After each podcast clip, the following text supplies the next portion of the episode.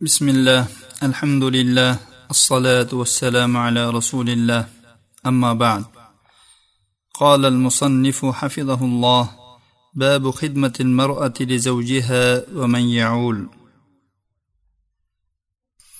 ayol kishi eri va erining qaramog'idagi kishilarning xizmatini qilish haqidagi bob.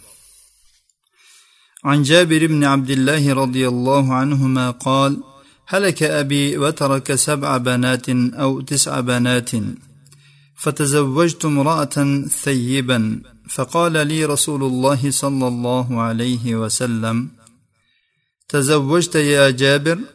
فقلت نعم. فقال بكرا أم ثيبا؟ قلت بل ثيبا. قال فهلا جارية تلاعبها وتلاعبك وتضاحكها وتضاحكك؟ قال فقلت له إن عبد الله هلك وترك بنات وإني كرهت أن أجيئهن بمثلهن فتزوجت امرأة تقوم عليهن وتصلحهن فقال بارك الله لك أو قال خيرا. Jobir ibn abdulloh roziyallohu anhudan rivoyat qilinadi dedi. Otam halok bo'ldi va ortidan yettita yoki to'qqizta qizni qoldirdi. Allohu alam bu yerda shak roviydan bo'lsa kerak abdullohdan emas men bir juvon ayolga uylandim.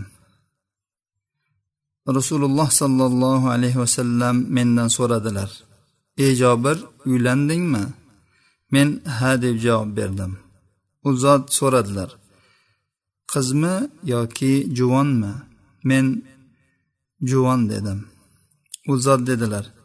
Ha bir cho'riga uylanmabsanda u bilan o'ynasharding u sen bilan o'ynashardi. U bilan kulisharding u sen bilan kulishardi. Men dedim abdulloh halok bo'ldi. Va bir necha qizlarni ortidan qoldirdi. Men ularning oldiga o'zlariga o'xshagan bir qizni olib kelishni karih ko'rdim. Shuning uchun ham ularga qarab ularni yuvintirib tarantirib turadigan bir ayolga uylandim. U zot dedilar alloh taolo senga barakat ato etsin. Yoki yaxshi qilibsan degan so'zni aytdilar. Turmush qurish bir necha g'oyalar asosida bo'ladi. Ulardan biri haromdan saqlanish. Erkak va ayol uchun bab barobar iffatlarini saqlash. Maqsadlardan yana biri insoniyatni inqirozdan saqlab qolish. Maqsadlardan yana biri alloh subhanahu va taoloning yo'liga da'vat qilish. Alloh taolo yo'lidagi jihod vazifasini bajarish uchun musulmonlar naslini ko'paytirish. Shariat turmush qurgan erkak va ayolga bir birlarining muqobilida haqlarni va burchlarini qilib qo'ydi. Ayol kishining erkak kishiga nisbatan zimmasidagi haqlardan biri eriga va erining qaramog'ida bo'lganlarga xizmat qilishdir. Bunga juda ham ko'p dalillar bor. Shu dalillar jumlasidan ushbu bobimizning hadis hamdir. Bu hadisda jobir roziyallohu anhu otasi abdulloh uhud g'azotida shahid bo'lgan paytda ortidan bir necha qizlarni uning qaramog'iga qoldirgani tufayli o'z opa singillarining xizmatini qiladigan ularga qarab turadigan bir juvonga uylandi. Jobir rasululloh sollallohu alayhi vasallam so'ragan paytlarida nima uchun qiz bolaga uylanmaganligi? Holbuki qiz bolaga uylanish erkaklar uchun yoqimliroqdir. Qiz bolaga uylanishni tark qilib juvon olganligining sababini bayon qildi. Juvonga uylanishdan maqsadi uning singillariga qarab turishi edi uni. Bu kabi vazifani yosh qiz bajara olishi qiyin. Shuning uchun ham u tajribalik deb turmush ko'rgan ayolga uylandi. Jobir bu o'rinda o'z foydasidan ko'ra singillarining foydasini muqaddam qo'ydi. Bu hadisdagi shar'iy hukmga dalolat qiluvchi narsa. Rasululloh sollallohu alayhi vasallam jobirdan bu so'zlarni eshitdilar. Jobirning maqsadlarini ham bildilar. Bilib uning maqsadiga iqror bo'ldilar inkor qilmadilar. U zotdan jobirning bu tutgan yo'liga iqrordan boshqa narsa sodir bo'lmadi.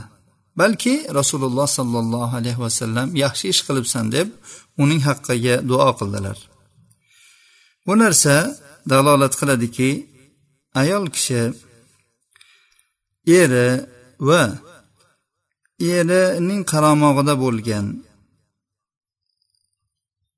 Uning opa singillari onasi yoki otasi va boshqalarning xizmatini bajarishi lozim ekan. Basharti o'sha qaramoqdagi odamlar o'zlarini o'zlari eplolmaydigan bo'lsalar ya'ni o'zlarini xizmatlarini o'zlari qilolmaydigan bo'lsalar. Bu shart muhim. Uni qo'ldan kelsa kelmasa faqat a bu ayol kishi qilish kerak xotin qilish kerak degan gap emas. Har kim o'zini ishini qilish kerak bo'ladi. O'zini kirini yuvish kerak o'zini ovqatini qilish kerak. Agar ular yoshligi tufayli yoki o'ta qariligi tufayli yoki bir nogironlik yo bo'lmasam bir kasallik tufayli shu ishlarga qodir emas. Kiyimini yuvolmaydi e, yuvinib taranolmaydi ovqat qilolmaydi shu o'rinda ayol kishi xizmat qilish kerak bo'ladi. Endi bu hadisning siyoqiga qaraladigan bo'lsa ayol kishi eriga xizmat qilishi va uning uy ishlarini bajarishi rasululloh sollallohu alayhi vasallam payg'ambar bo'lib yuborilgan paytda va u kishi yuborilgan qavm ichida urfiy bir odat bo'lgan. Ularga bu narsa bir g'arib bo'lgan emas. Notanish ish bo'lgan emas. Islom keldi va buni o'z holicha qoldirdi. Rasululloh sollallohu alayhi vasallamdan butun payg'ambarlik zamonida makkada bo'lsin madinada bo'lsin oz bo'lsin ko'p bo'lsin ayol kishining zimmasida eri va uning qaramog'idagilarga xizmat qilish vojib emas degan narsaga dalolat qiluvchi biror narsa rasululloh sollallohu alayhi vasallamdan sodir bo'lmadi. Ushbu ma'noda vorid bo'lgan hamma hadislar dalolat qilmoqdaki xotin erining va erining qo'l ostidagilarning xizmatini qilishi lozim.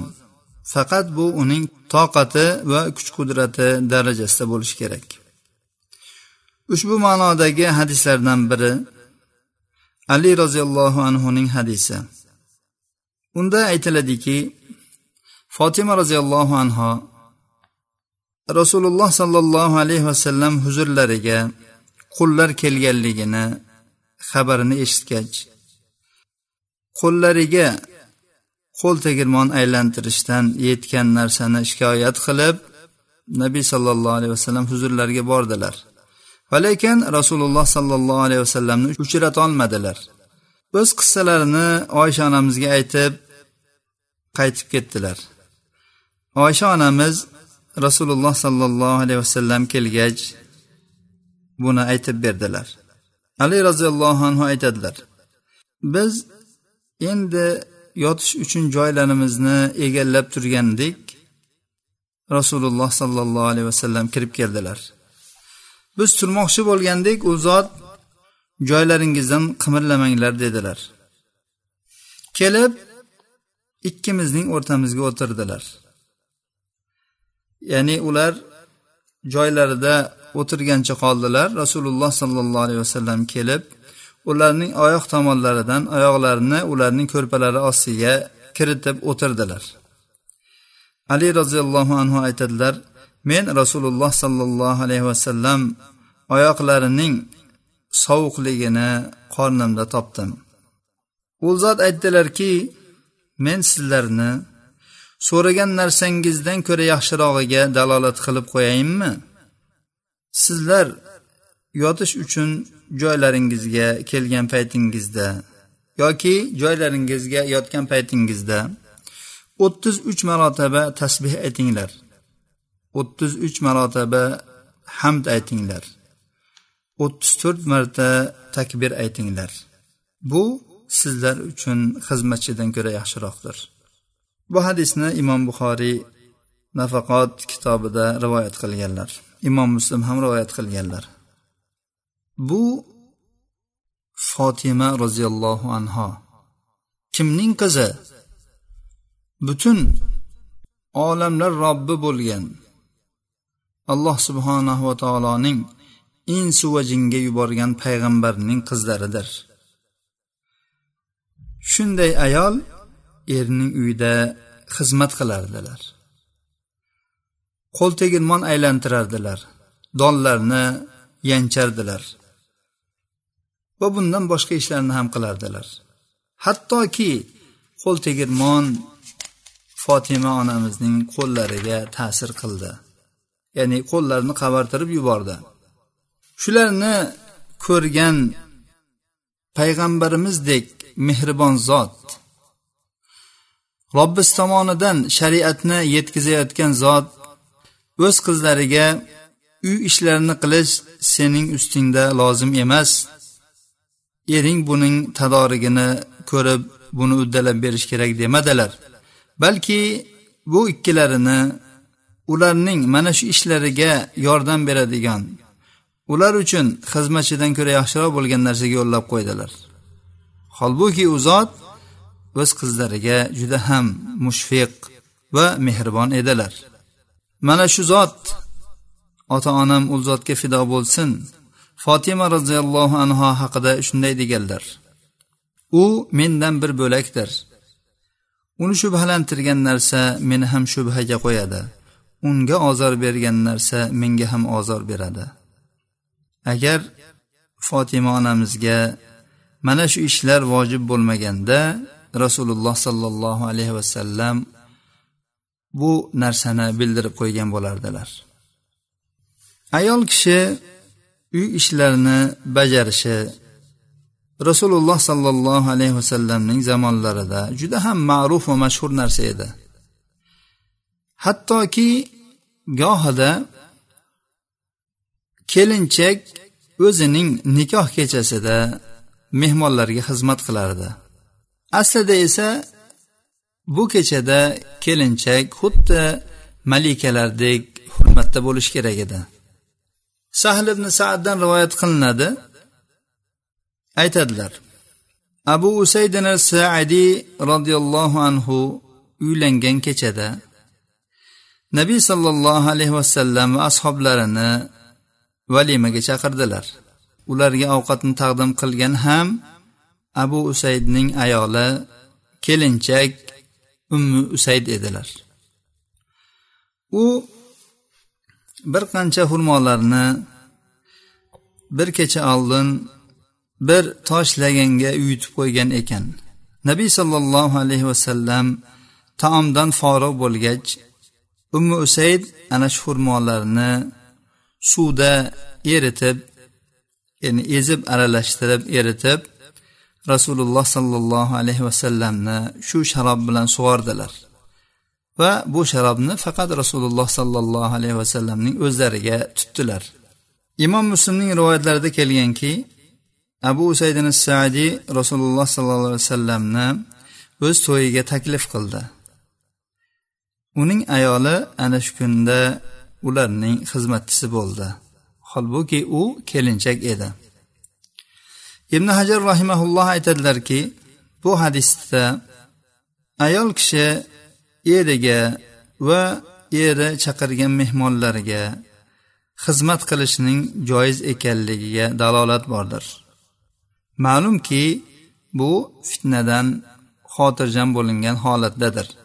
Va bundan tashqari ayol kishi rioya qilinishi lozim bo'lgan hijobda bo'lishi ham lozimdir. Ibn hajardan naql tugadi. Bu kabi qissalardan yana biri asmo binti abu bakr roziyallohu anhuning qissalaridir. Asmo aytadilar men zubayrga turmushga chiqdim. Uning bir tuya va bir otidan boshqa hech narsasi yo'q edi. Men uning otini yemlardim. Tuyasida suv olib kelib sug'orardim chelak yirtilib qolsa uni yamardim. Xamir qilib non yopardim. Men non yopishni yaxshi eplolmas edim. Ansoriya qo'shnilarim menga non yopishda yordam berardilar. Ular juda ham yaxshi ayollar edilar. Men zubayrning rasululloh sollallohu alayhi vasallam unga bo'lib bergan yeridan xurmo danaklarini boshimda ko'tarib olib kelardim. U yer uyimizdan besh kilometrcha uzoqlikda edi ya'ni uch farsaq uzoqlikda edi kunlardan birida men o'sha yerga borib xurmo danaklarini boshimga olib ko'tarib kelayotgan edim. Yo'lda rasululloh sollallohu alayhi vasallamga uchrashib qoldim. U zot bir necha ansorlardan iborat ashoblar bilan birga ekanlar. U zot meni chaqirdilar va tuyalarini cho'ktirdilar. Maqsadlari meni orqalariga birga olmoqchi edilar. Men erkaklar bilan e, birga ketishdan uyaldim va zubayr va uning rashkining kuchliligini esladim.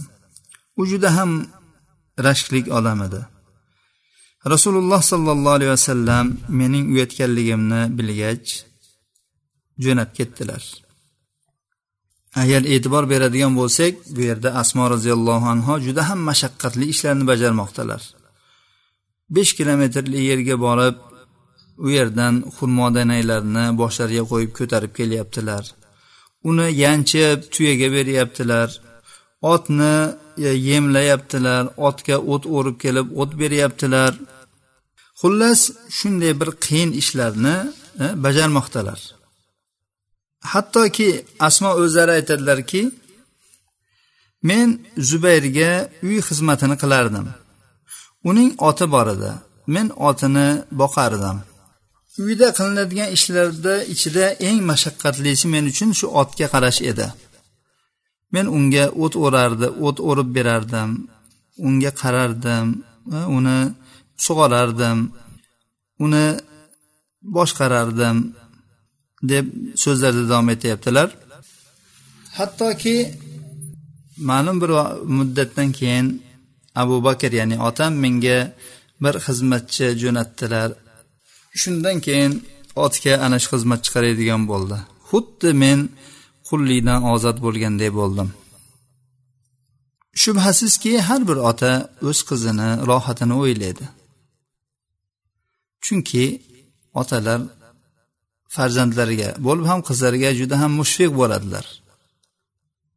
Agar abu bakrning imkonida qizini mana shu ishlardan man qilishlik imkoniyati bo'lganda qilgan bo'lardi. Lekin u bor yo'q qilolgan ishi unga bir xizmatchi berib o'sha uni qilayotgan xizmatiga bir yordamchi berishga imkoniyat topdi xolos. Bu qissani ba'zi ulamolar ayol kishi eri muhtoj bo'ladigan uydagi barcha xizmatlarni qilishi vojib ekanligiga dalil qilishdi. Bu so'zni abu savr ham aytganlar. Boshqalar esa jumhur ulamo bu ishlarni tatavvuiy ya'ni ixtiyoriy qilgan deganlar. Bu uning zimmasida lozim emasdi deb aytganlar. Bu o'rinda rojih narsa har bir yurtning o'z urf odatiga qaraydi. Agar o'sha yurtda kelinlar erlarining xizmatlarini qiladigan bo'lsalar qiladilar. Qilmaydigan bo'lsa qilmaydilar. Imom saraxsiy aytadilar agar kishi o'z ayolini uyimda xizmat qilsang har oy senga mana shuncha oylik beraman deb aytsa bu joiz emas. Chunki uyning xizmati ayolning zimmasida diniy jihatdan haqdir.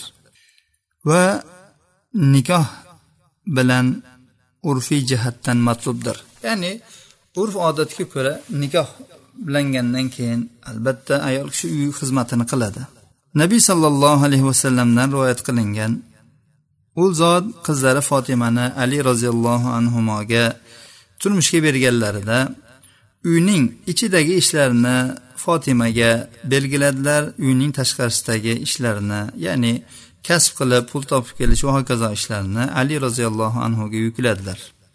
Chunki shariat erkak kishini ayolni boqish uning nafaqasini berishlikka yuklagan bo'lsa ayol kishi eriga uyda xizmat qilishligini belgiladi. Shunga ko'ra agar er ayoliga faloncha senga oylik beraman deb aytgan bo'lsa ham bu ayol u oylikka haqli bo'lmaydi. Ammo er ayolini masalan boshqa ayoldan bo'lgan bir farzandini emizib berishlik uchun yoki hayvonlarni boqish yoki undan boshqa shu uydagi uy ishlaridan tashqari bir ishlarni qilishga ittifoq qilib bir bahoga kelishgan bo'lsa bu haqni olish ayol kishi uchun joizdir. Mabsud oltinchi juz uch yuz ellik to'qqizinchi bet. Ulamolar ayolning xizmat qilishi vojib deganlar. Mana shu so'z to'g'riroq. Ya'ni muhammad shokir shu xizmatning vojibligini rojih to'g'riroq deyaptilar. Er alloh taoloning kitobida ayolning sayyididir. Bu bilan musannif alloh taoloning va alfaya sayyidaha ladalba yusuf alayhissalomning qissasida zulayho shu sayidiga shu eshik oldida yo'liqqanligini aytib sayyidaha eri erini sayyidi deb aytilyapti. Ya'ni alloh taoloni kitobida er ayolning hojasidir ayol esa erning huzurida sunnatga ko'ra asiradir. Rasululloh sollallohu alayhi vasallam aytganlarki ular sizlarning oldingizda ya'ni ayollar sizlarning oldingizda asiralardir deb aytganlar. Asir va qul xizmat qilishi lozim bo'ladi. Mana shu ma'rufdir. Urf odatga ko'ra ya'ni qulning va aslning xizmat qilishi ma'rufdir. Ba'zi bir ulamolar aytganlarki yengil xizmat vojib bo'ladi. Ba'zi birlar ma'ruf bilan xizmat qilish vojibdir deganlar. Ya'ni qo'ldan keladigan ishlarni qilish iloji bo'lgan ishlarni qilish toqatdan ortig'ini qilmaslik. Mana shu to'g'riroq so'zdir dedilar. Demak ayol kishi eriga ya'ni ayoldan o'sha kabi erga qilinadigan xizmatni qilishi lozim bo'ladi. Bu ahvollarga qarab turli tuman bo'lishi mumkin. Masalan sahroviy ayolning xizmati qishloq ayolnikidek emas. Qishloq ayolning xizmati e, zaifa ayolnikidek emas shaharlik ayolniki qishloq ayolnikidaqa emas bu so'zlar ibn taymiyaning so'zlari edi.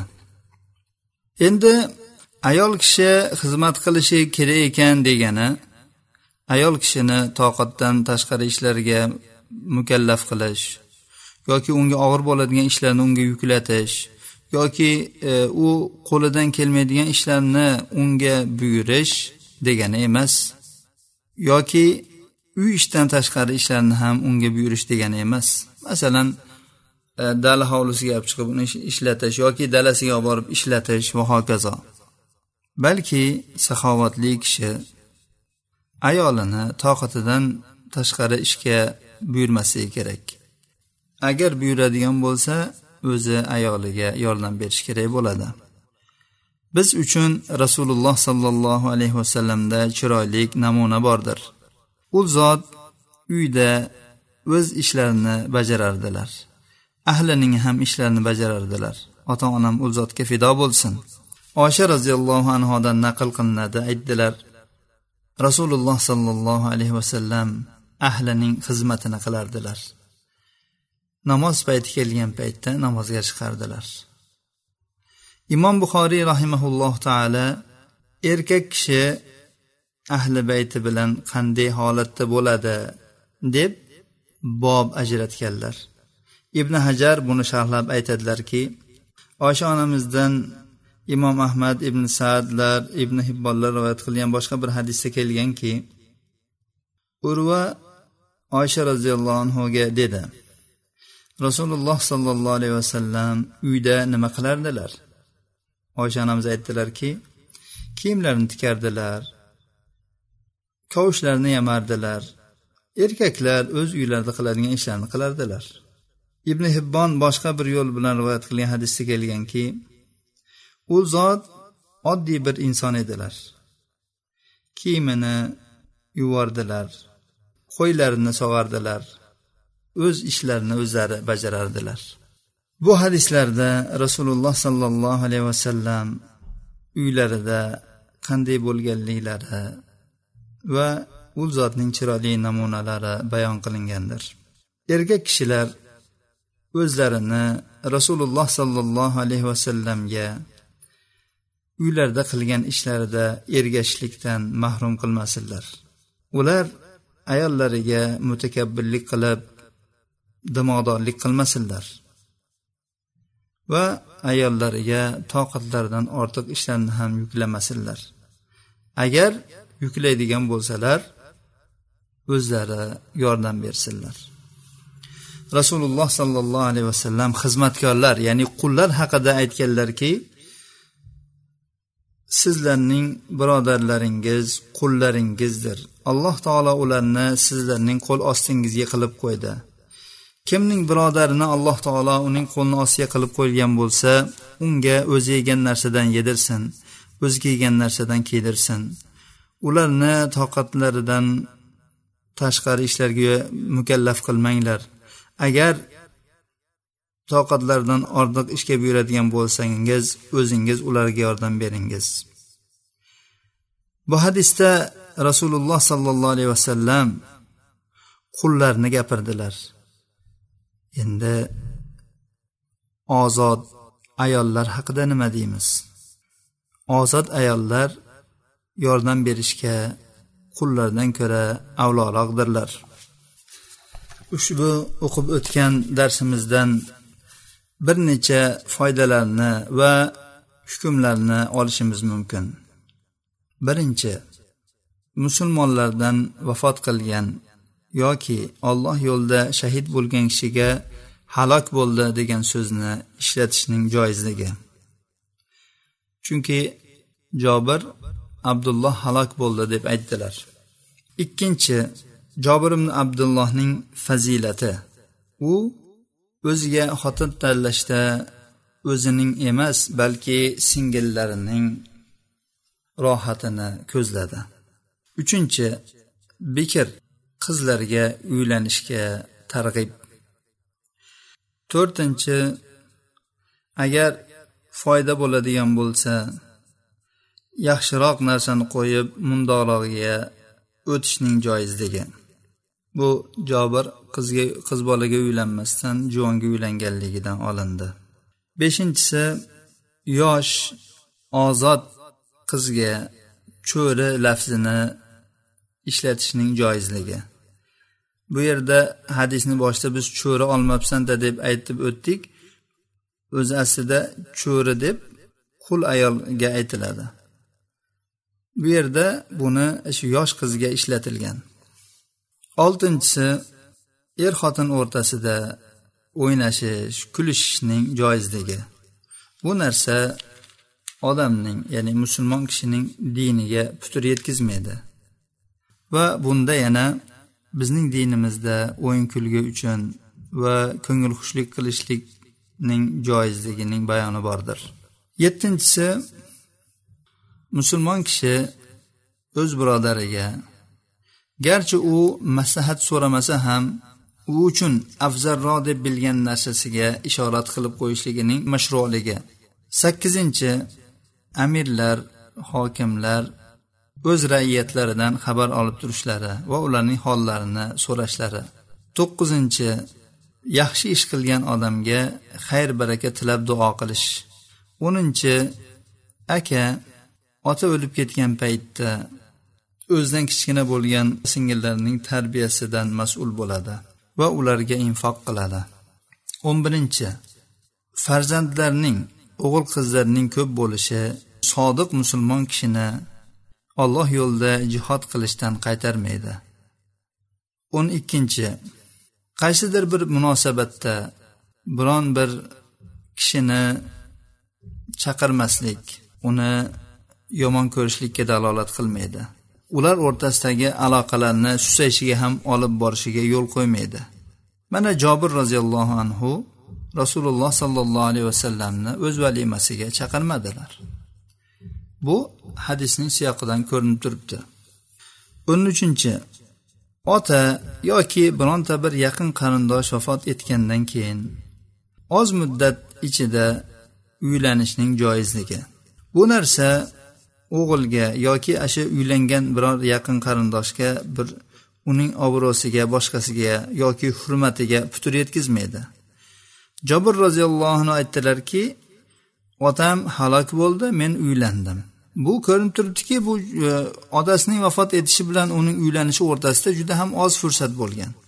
Gohi odamlar otasi yoki oilasidan biror katta kishi umuman biror kishi vafot etadigan bo'lsa qirq kun bo'lsin olti oy bo'lsin bir yil bo'lsin ana shu uyda to'y qilish mumkin emas degan yoki uylanishdan yoki to'y qilishdan bosh tortadilar. Bu hech qanday asli asosi bo'lmagan amaldir. O'n to'rtinchi qizlarni tarbiya qilishning fazilati. Garchi bular opa singillar bo'lsa ham. Rasululloh sollallohu alayhi vasallam jobirga baraka tilab duo qildilar. Shu singillariga qaraganligi uchun.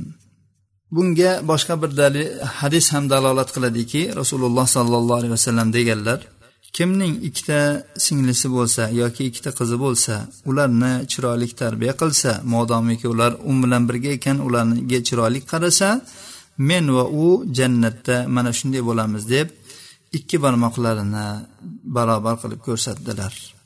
Bu hadisni shayx alboniy silsilat sahihada keltirganlar. O'n beshinchi foyda xotin eriga va uning qo'li ostidagilarga xizmat qilar ekan. Alloh subhanahu va taolodan ushbu darsimizning so'ngida barcha erlar va ayollarni qaynona va qaynotalarni ushbu o'qilgan darsga o'qib o'rganilgan hadisga chiroyli amal qilishlariga muvaffaq qilishini so'rab qolamiz. Ba'zi shaharlarning urf odatida kelinni xizmat qilishi haddan oshiqdir. Ya'ni kelin deganda xizmatkor tushuniladigan bo'lib qolgan. Bu o'qib o'rgangan hadisimizdan ulamolarning so'zlaridan bilindiki bu noto'g'ri narsa. Kelinlarni xizmat qilishi agar qaynona qaynota qaynsingillar boshqalar ya'ni kelin o'sha uyda yashab turgan ahl oilaning haqiqatda shu kelinning xizmatiga ehtiyojlari bo'lsa ularning xizmatini qilish kerak. Aks holda u faqat erining xizmatini qilish kerak bo'ladi. Chunki hamma o'zini xizmatini qilishi kerak. Agar u o'z ixtiyoridan kelib chiqib xizmat qiladigan bo'lsa masalan ovqat pishirib bersa hammalariga yoki kirlarni yuvib bersa bu o'zining ixtiyori. Lekin bu seni vazifang kelin bo'lib tushdingmi shu ishlarni qilishing lozim shart senga deb aytishlik bizni shariatimizda yo'q. Bu zolim urf odatdir. Bunga chek qo'yish kerak. Men xizmat qilganman sen ham xizmat qilasan deb aytishlari qaynonalar tomonidan bu xato gap. Agar siz xizmat qilib zulmni his qilgan bo'lsangiz endi zulm qilmang chunki zulm haromdir. Alloh subhanava taolo zulmni harom qilgan. O'ziga ham bandalariga ham. Modomiki o'zizga shu narsa yoqmagan ekanmi farzandlaringizga ham buni xohlamang. Agar siz shunday qiladigan bo'lsangiz bu kabi yomon illatlar xalqimizning urf odatlaridan ko'tarilib o'chib ketadi. Aks holda agar hamma qaynona men xizmat qilganman seni ham xizmat qildiraman desa bu davom etib ketaveradi to qiyomatgacha. Ilm o'rganishdan maqsad amal qilishdir. Hada va sallallohu ala nabiyina muhammad va ala alihi va sahbihi vasallam